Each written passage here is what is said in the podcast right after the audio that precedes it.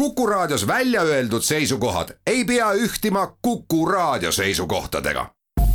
Te kuulate Kuku Raadiot.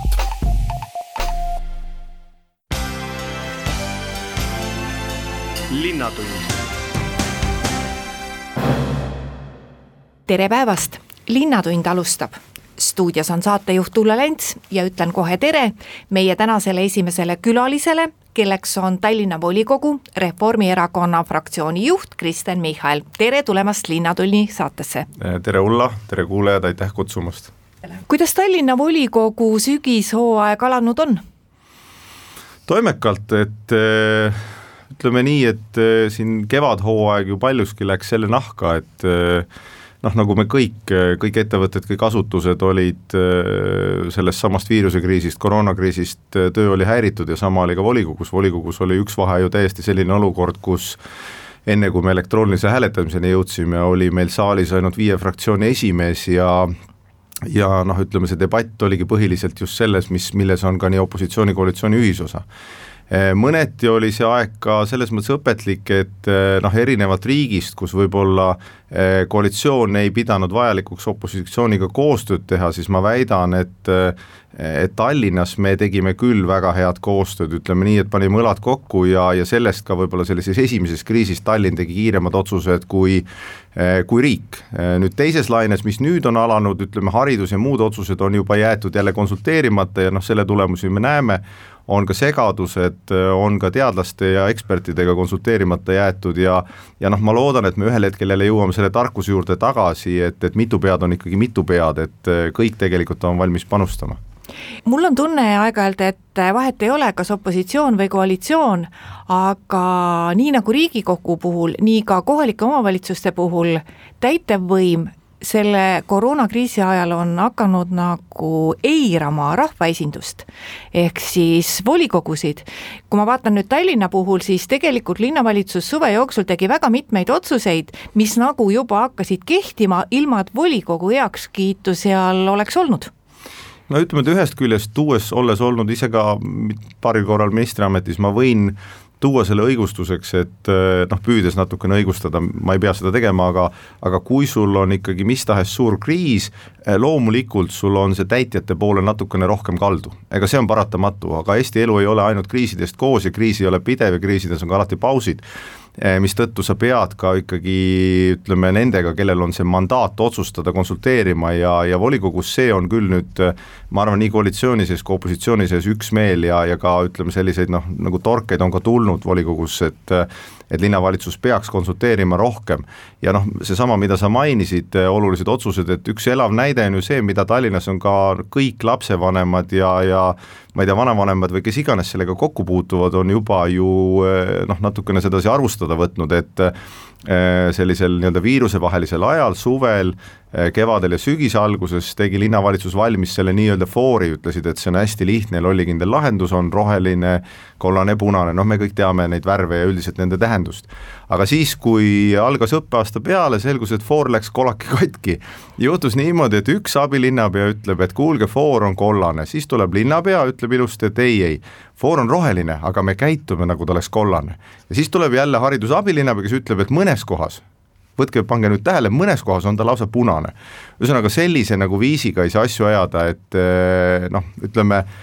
oleks see paremini läbi arutatud ja ka avalikult arutatud, oleks ilmselt haridusasutused teadnud, mida teha, oleks vanemad teadnud, mida oodata, nii et eh, sellistest debattidest, aruteludest pigem sünnib kasu ka kriisis, kui sa kaasad teisi, inimesed teavad, mida teha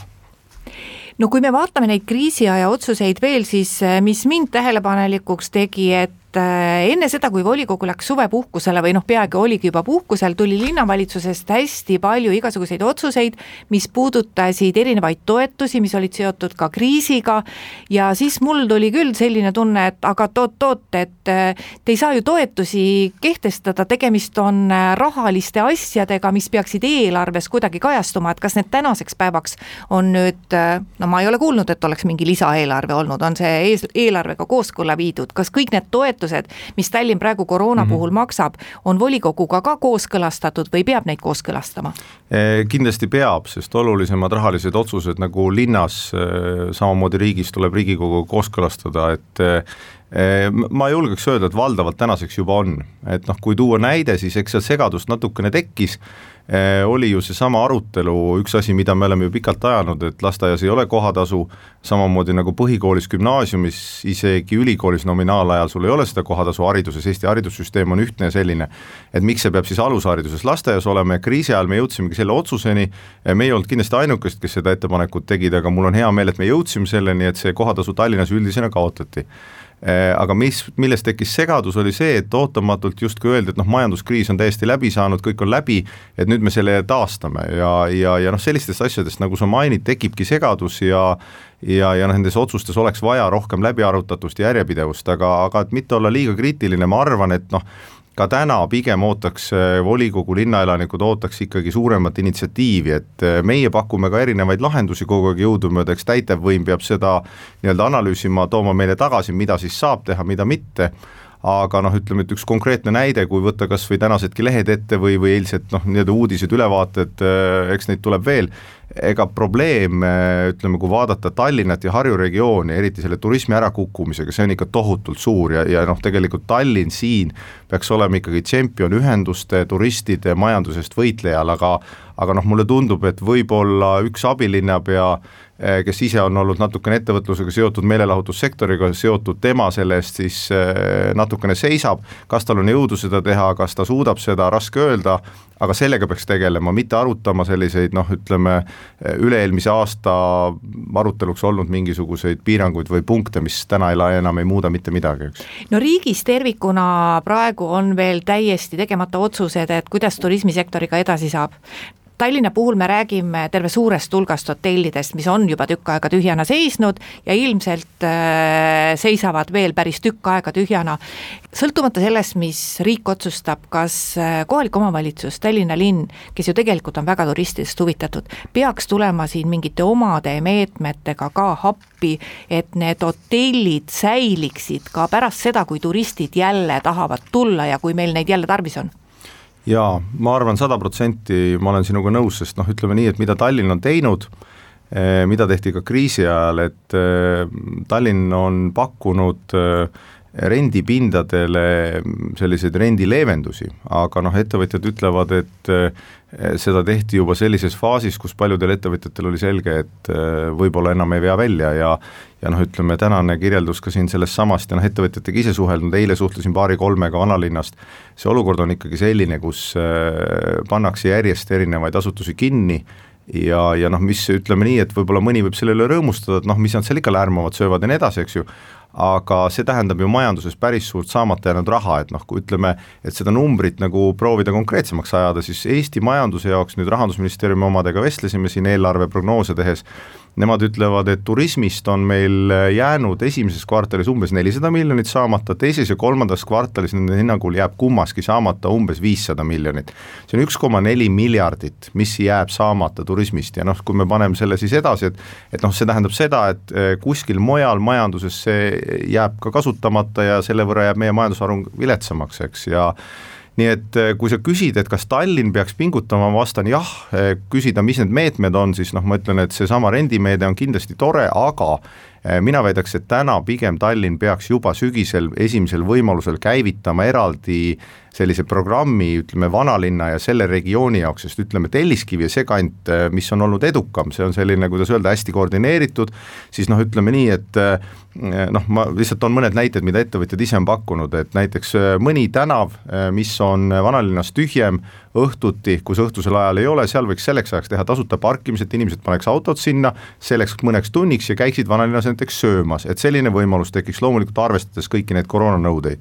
Eh, samamoodi vabad pinnad võiksid saada näiteks eh, kunstlike, kunstnike erinevate selliste eh, projektide kasutusse, kas või selleks ajaks, kui linn ei leia sinna rentnikke, et, et see on niisugune asi, et see teeb linna huvitavamaks, et et vanalinn ei ole, ei, ei getostu, sest maailmast on palju näiteid, kus maailma võimsamates linnades tegelikult valitseb vaikus mingitel hetkedel ja, ja see ei ole hea ole, olukord. Ja ja noh, ma ütlen, et noh, lihtsalt selline nagu suurem vanalinna, inimeste vanalinna toomise kampaania on kohane, sest kui siseturism ikkagi midagi kompenseerib, küll mitte kogu välisturistide ärajäävat voolu, siis eh, just Tallinn, ja, ja ütleme, see kant siin tegelikult saab ikkagi päris kõvasti pihta ja, ja me peaks igal juhul linnana, linnavalitsusena, linnavõimuna sellesse panustama. me teeme siinkohal oma jutuajamisse väikese pausi ja läheme hetke pärast edasi. linnatund linnatund läheb edasi, stuudios on Tallinna linnavolikogu Reformierakonna fraktsiooni esimees Kristen Michal. Ja praegu on käimas Tallinnas äh, ka nii-öelda struktuurimuutus, ma ei tea, kas see volikogu arutelu on juba jõudnud, aga sinu hinnangul, kas see teeb tallinlaste elu paremaks, kas see teeb linnavõimu teostamise odavaks või odavamaks, mis mõte sellel on? No miks ma ohkan, sellepärast et see debatt on volikogus peetud ja noh, ütleme sellest debatist läks äh, päris palju aega läks ikkagi ühele nagu nüansile, mis iseloomustab kogu selliste ümberkorralduste jada siin Tallinnas, mis on toimunud, et äh, ma ei taha ka kuulajat ja, ja saatejuhti liiga kaua sellega vaevata, aga aga noh, faktidest selgub alljärgnev, et äh, linna pealt küsiti, palju on meediatöötajaid Tallinnas, selgus, et äh, meedia- ja kommunikatsiooni valdkonnas on kuuskümmend neli töötajat kirjalikult, nii ta vastas, see on ka kuskil Postimehe uudises olnud, äh, seejärel selgub, et Tallinna Televisiooni produktsioonist jääb üle umbes kakskümmend töötajat veel, keegi linnaametnikest seda ütles, see tähendab kaheksakümmend neli, kui nüüd otsa liita veel linnaosades otsekommunikatsiooniga töötajad, see keegi volikogus luges kokku seal opositsiooni ridadest oli üheksa inimest ja kui otsa veel, veel mingid asjapulgad liita, siis üle saja inimese otse juba tegeleb erinevate kommunikatsioonitegevustega. ja noh, ütleme ausalt, ka linnapea ei suutnud varjata sellist noh, ütleme kohmetunud äh, naeratust või muiet, kui ma küsisin sõbralikult, et, et noh, et härra linnapea, et mis te arvate, kas teile sajast kommunikatsioonitöötajast piisab et noh, ma saan aru, et linnal on oma informatsiooniline ülesanne, aga, aga seda tuleks teha siiski koostöös avalik-õiguslikuga ja erameediagruppidega, mis mis täiesti piisavalt, nagu seesama saade, võtavad käsitleda olulisi küsimusi ja, ja meediareeglite alusel, mitte ei tegele ostetud ajana kellegi reklaamimiseks, et see on võib-olla selline debatt, mis sai selle nii-öelda struktuuri muutuse noh, ütleme vähemalt volikogus kandvaks märgiks. Noh, struktuuri muutusest laiemalt ütleme nii, et muutusi eh, mina igal juhul toetan, ma arvan, et muutusi on Tallinnas vaja, selles pole kahtlust ja ja noh, ütleme nii, et see praegune muutus on mõneti muidugi paralleelstruktuuri loomine, sest tegelikult oleks saanud ka ütleme, linnasekretäri mitte õigusteenistuses kujundada, vaid sellesama funktsiooniga kõike teha, et pigem ma näen, et linnapea on olnud natukene hädas, et ta ei suuda eh, kõigi nende viieteist aasta jooksul akumuleerunud Keskerakonna keskastme töötajatega ise tegeleda ja seetõttu on võetud keegi tegelema sinna sellega. Eh, kas see valimisteks jõuab kuidagi paremaks muutuda, ma väidan, et see on väga pikk, pika mõjuga, aastate pärast on selle võimalik kokkuhoid umbes paar miljonit. aga ma arvan, et ega kokkuhoid ei peagi olema eesmärk, eesmärk peab olema parem teenus ja ma arvan, et eks peale järgmisi valimisi selle nii-öelda muudatuse kvaliteedi proov alles tuleb, et eh, siis, kui sünnib mingisugune uus koalitsioon ja ma eeldan, et Tallinnas järgmiste valimiste järel sünnib koalitsioon, mis tahes koalitsioon siis, Eh, see siis tegelikult näitab ära, et kas on võimalik Tallinna teenuseid muuta ka inimestele mugavamaks, sest see peab olema eesmärk, mitte nagu noh, ütleme ühe partei sisene tant-, toolide mäng, nagu me siin loeme, et üks ametijuht kirjutab alluvate peale, saadab advokaadi kaudu nõudekirju ja ja noh, kõigil on piinlik, eks ju Te hakkate ka kohe tegelema Tallinna tuleva aasta eelarvega ja see on nüüd see kord jälle, kus tuleb valimiste eelarve kui äh, palju seekord õnnestub linnavalitsusel sinu hinnangul selliseid asju eelarvesse sisse kirjutada, noh, mida valimisaastal avada saab hmm., et ma arvan, et seekord väga palju ei saa, sest et suured avamised on kõik jäänud nii-öelda eelmistesse valimistesse. Noh, ma austan sinu heatahtlikkust, aga ütleme nii, et äh, ma arvan, et palju juba nendest objektidest on kirjutatud erinevatesse eelarvetesse sisse, mille linti annab lõigata. Eh, aga see selleks, et eh, ma siin mõni volikogu tagasi ka sõbralikult taaskord küsisin eh, Mihhail Kõlvartilt, et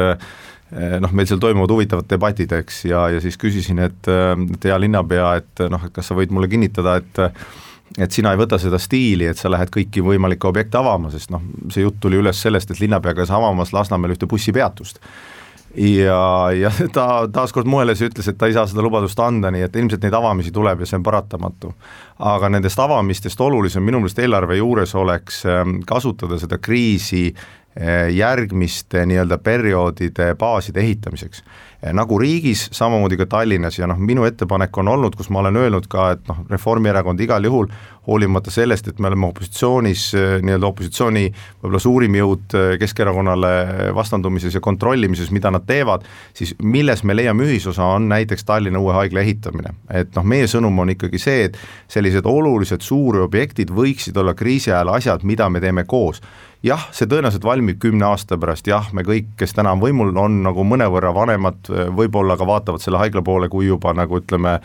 koha poole, kus nad tuleks võib-olla käia, no mis teha, elu on elu, eks ju, aeg läheb ühes suunas kõigile. aga sellised suured asjad peaksid olema just need, mida me kriisis teeme, et eriti kui meil on võimalus täna saada noh, ütleme Euroopast raha riigil, siis minu küsimus on, et kui pealinna regioon, kus luuakse viiskümmend protsenti SKP-st ehk lisandväärtusest ja, ja Harju regioon kokku ko koos pealinnaga on kuuskümmend viis protsenti, et kuulge, et noh, kui siin mootoris nüüd tegelikult nagu uut elektrit ei anta, uusi ideid ei teki, eks ju,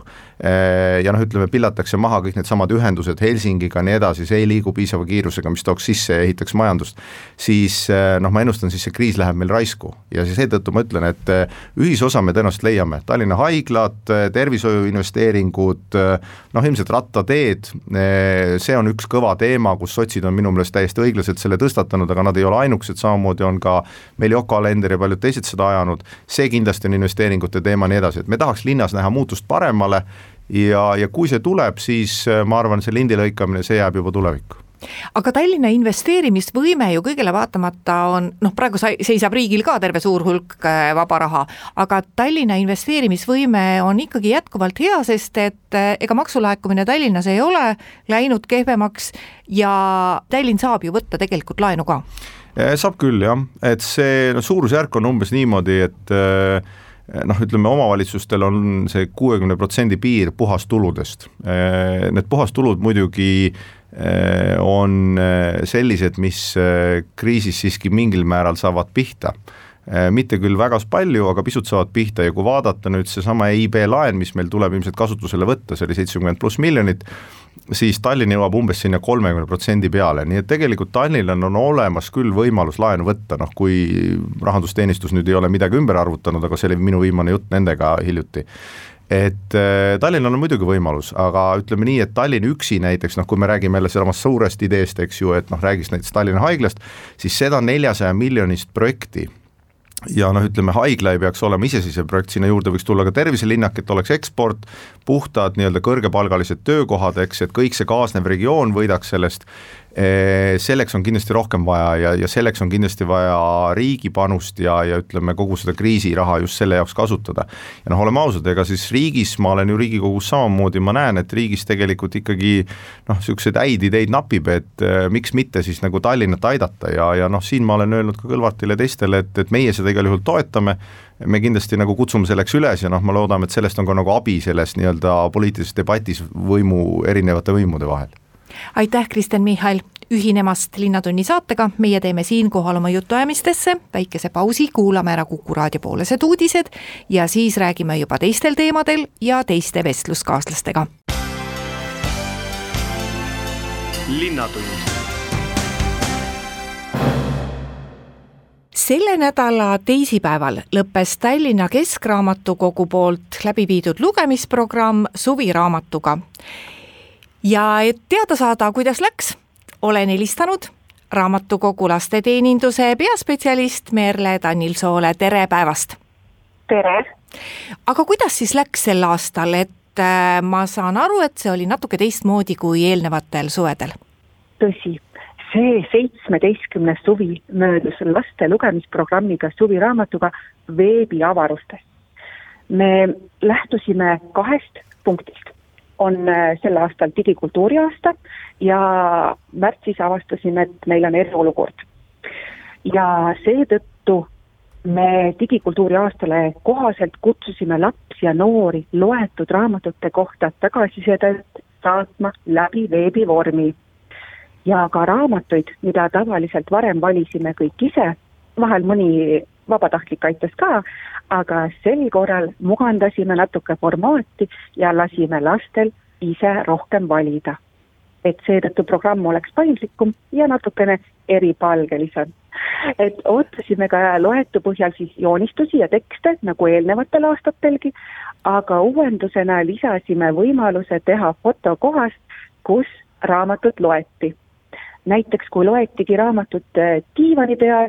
siis soovitasime, et pange siis raamat diivani peale ja tehke sellest pilt ja saatke meile, et siis me usume ka, et raamatut loeti. ja võin öelda, et põnevamad kohad, mida siis lugemiseks kasutati, oli näiteks batuudi peal, köögis,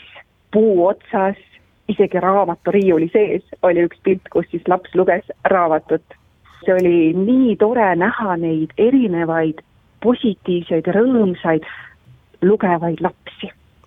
kuidas see veebivorm neile sobis, et arvestades, kui palju meie uus põlvkond sellega kokku puutub, siis ma arvan, et see võis sobida küll kohe väga hästi see oli tõesti üllatuslikult hästi võeti vastu. ma olin natukene skeptiline, sest ma uskusin, et inimesed on harjunud sellega, et alati tuuakse paberkandjal kõik joonistused ja, ja tekstid ja et, et kuidas siis erinevad lapsed ja lapsevanemad, sest et neid, kes võivad osaleda sellel programmis, on ka nooremaid, et siis näiteks ütleme kolmeaastasi, nelja-aastasi, viieaastasi, et kuidas nemad hakkama saavad aga see läks väga-väga suurepäraselt. loomulikult saime ka tagasisidet, et mõni lapsevanem ütles, et vot, et äh, meil oli natuke piirangud, sest postkastil on piirangud ja saime siis äh, üle viia hoopis äh, teise keskkonda need veebivormi äh, tulemused. ehk siis saime pidevalt tagasisidet, mis aitas parendada meie siis veebivormi no ma pean ütlema, et te lugesite ette küll kõik need kohad, kus lapsed olid raamatud lugenud, ma pean ütlema, et ega mind see väga ei üllata, et praegu võib-olla jah, et kui me hästi muretseme selle pärast, et lapsed ei taha lugeda ja kuidas saada neid lugema, siis noh, oli ju aeg, kus selle pärast üldse ei muretsetud ja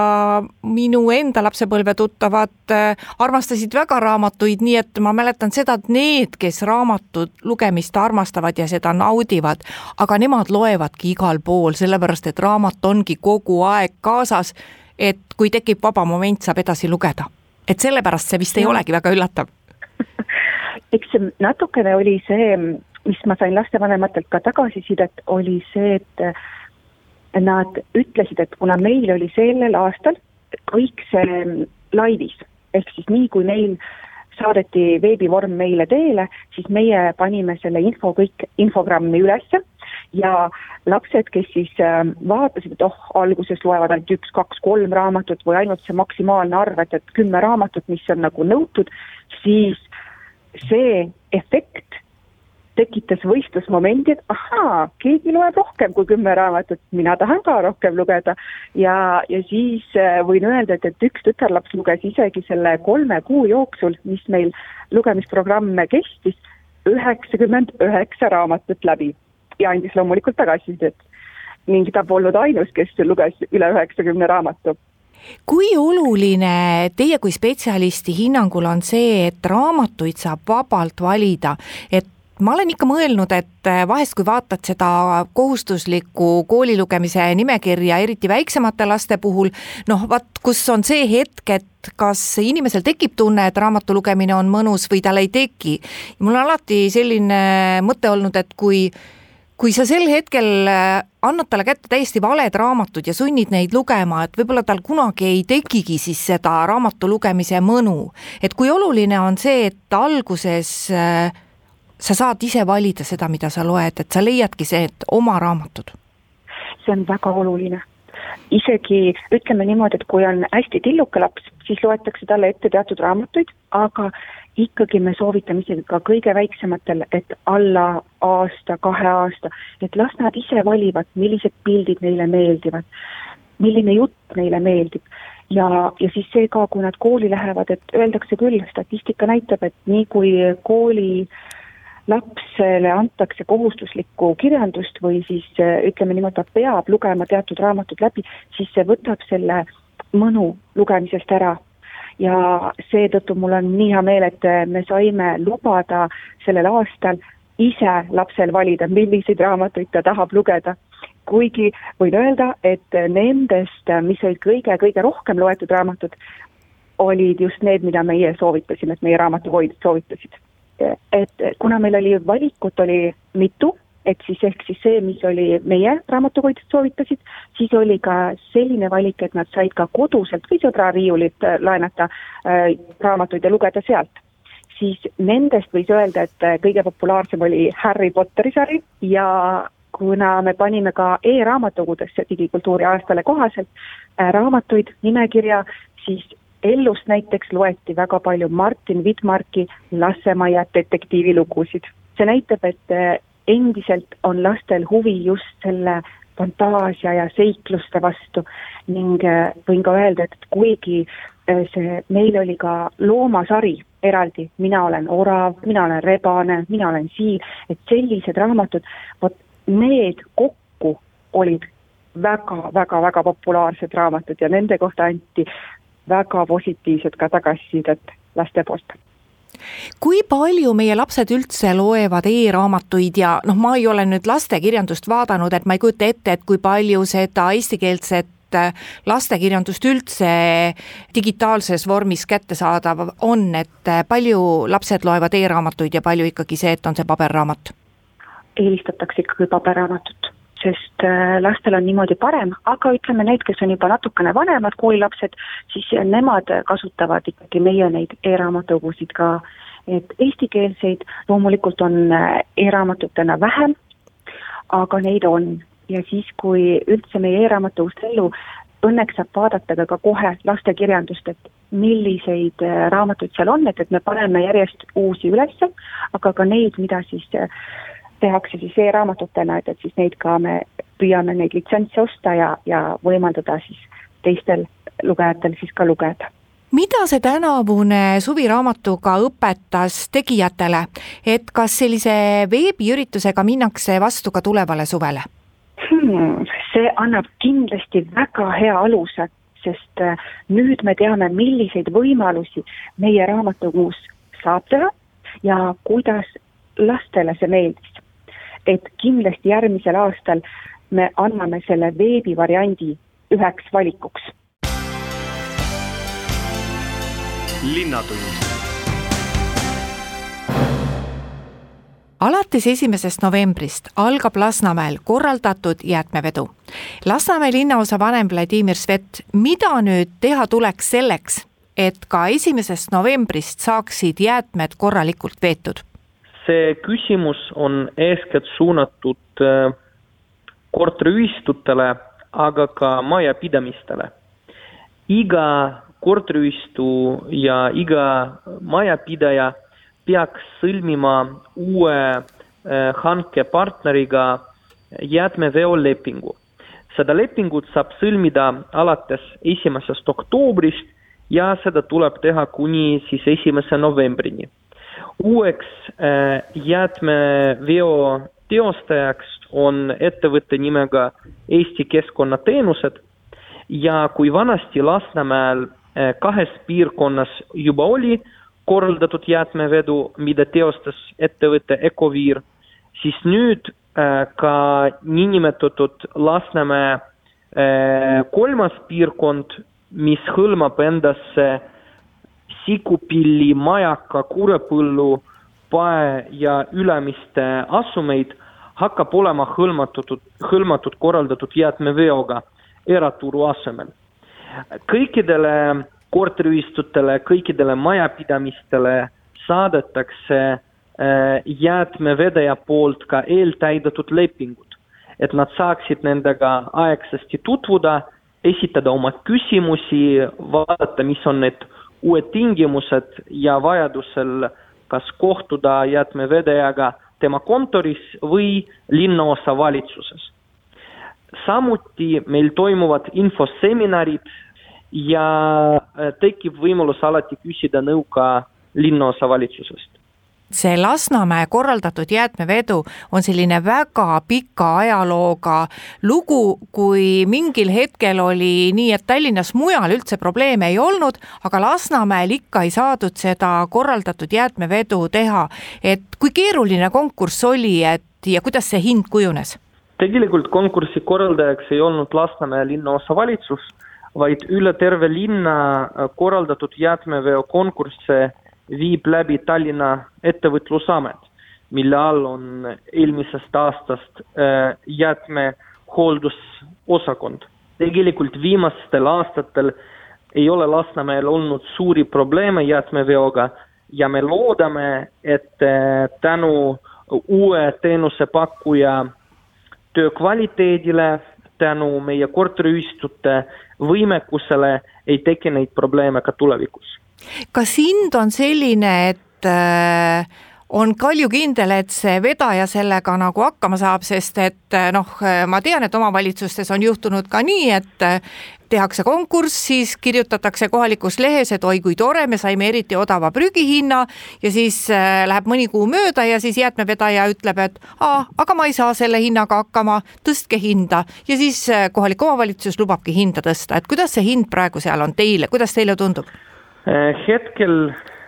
meil ei ole põhjust arvata, et selliseid probleeme peaks meil tekkima. see hind ei ole muutunud oluliselt, on tegelikult isegi natuke tõusnud mõnikümmend äh, eurosenti. Aga me oleme kindlad, et see partner saab hakkama, meil on sõlmitud vastav leping ja kui veopartner hakkama ei saa, siis me oleme valmis ka rakendama vastavaid sanktsioone kuni siis lepingu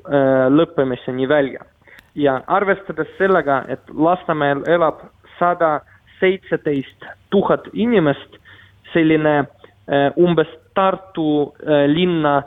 suurune kohalik omavalitsus, ma olen kindel, et see teenusepakkuja, kes siia tuleb, on väga motiveeritud siin head teenust pakkuda.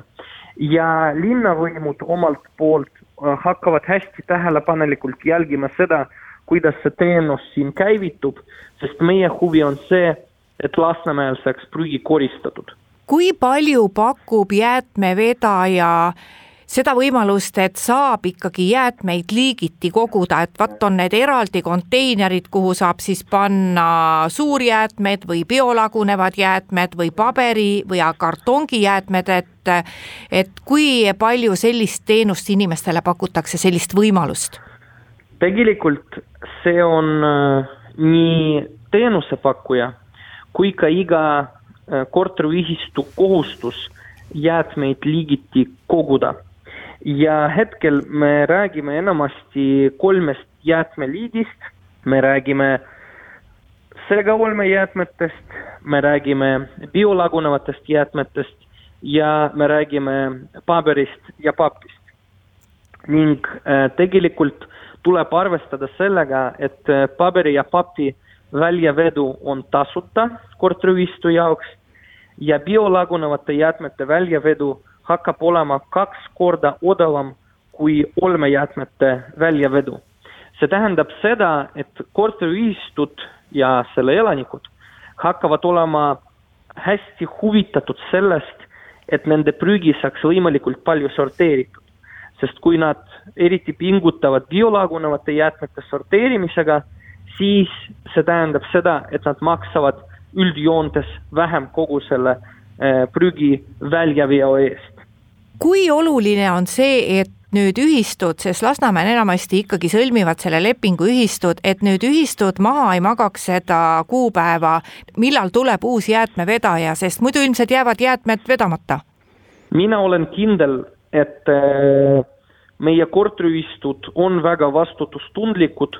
ja juba praegu tegelikult nad uurivad meie käest uue selle süsteemi nüansse, erinevaid detaile ja kindlasti just neil on väga-väga suur vastutus selles, et uus süsteem ka toimima hakkaks. ent mina olen kindel, et kui nad on saanud siiamaani päris hästi hakkama prügi väljaveo küsimuse lahendamisega koostöös erinevate ettevõtetega, siis ei ole põhjust, et siin tekiks probleeme praegu. Aga ma rõhutan, et ka meie linnaosavalitsuse poolt oleme seda olukorda äh, hästi äh, niimoodi pingsalt jälgimas ja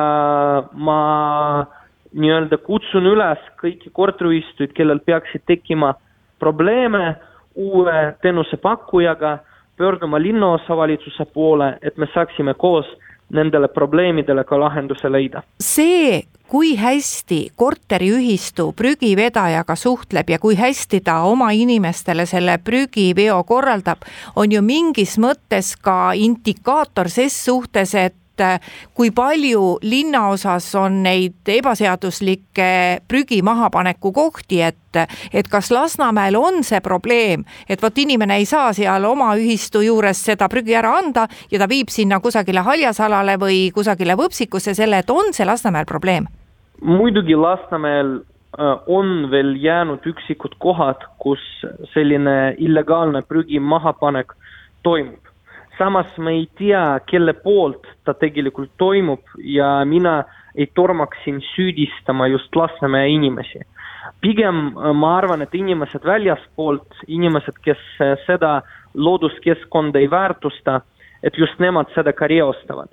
ja arvestades sellega, et meie linnaosas on iga aastaga tekkimas uusi äh, rohealasid, meil on tekkimas uusi selliseid avaliku ruumi paikasid, eh, mida luuakse just koos kohalike elanikega, mina arvan, et lasnamäelased aina rohkem ja rohkem väärtustavad oma elukeskkonda. mis puudutab illegaalsesse eh, prügisse ja erinevate omatekkeliste, eh, isetekkeliste selliste prügilate küsimusse, siis siin tegelikult me just loodame kohalike elanike signaalidele, nendepoolsele Eh, järelevalvele, et nemad annaksid meile märku, kui nad kuskil sellist prügilat näevad ja linnaosavalitsus koostöös munitsipaalpolitseiga alati enne seda, kui me seda prügi ka koristame, me proovime teha selgeks selle prügi päritolu ja kui see õnnestub, siis eh, selle prügi omanikku tabab ka vastav karistus. aga see on probleem, mis ei lõpe eh, niipea ja seda saabki lahendatud ainult koostöös kohalike elanikega. ja ongi Linnatunni jutud tänaseks räägitud. saatejuht ütleb kuulajatele aitäh kuulamise eest ja järgmine Linnatund on eetris nädala pärast. Kuulmiseni. linnatund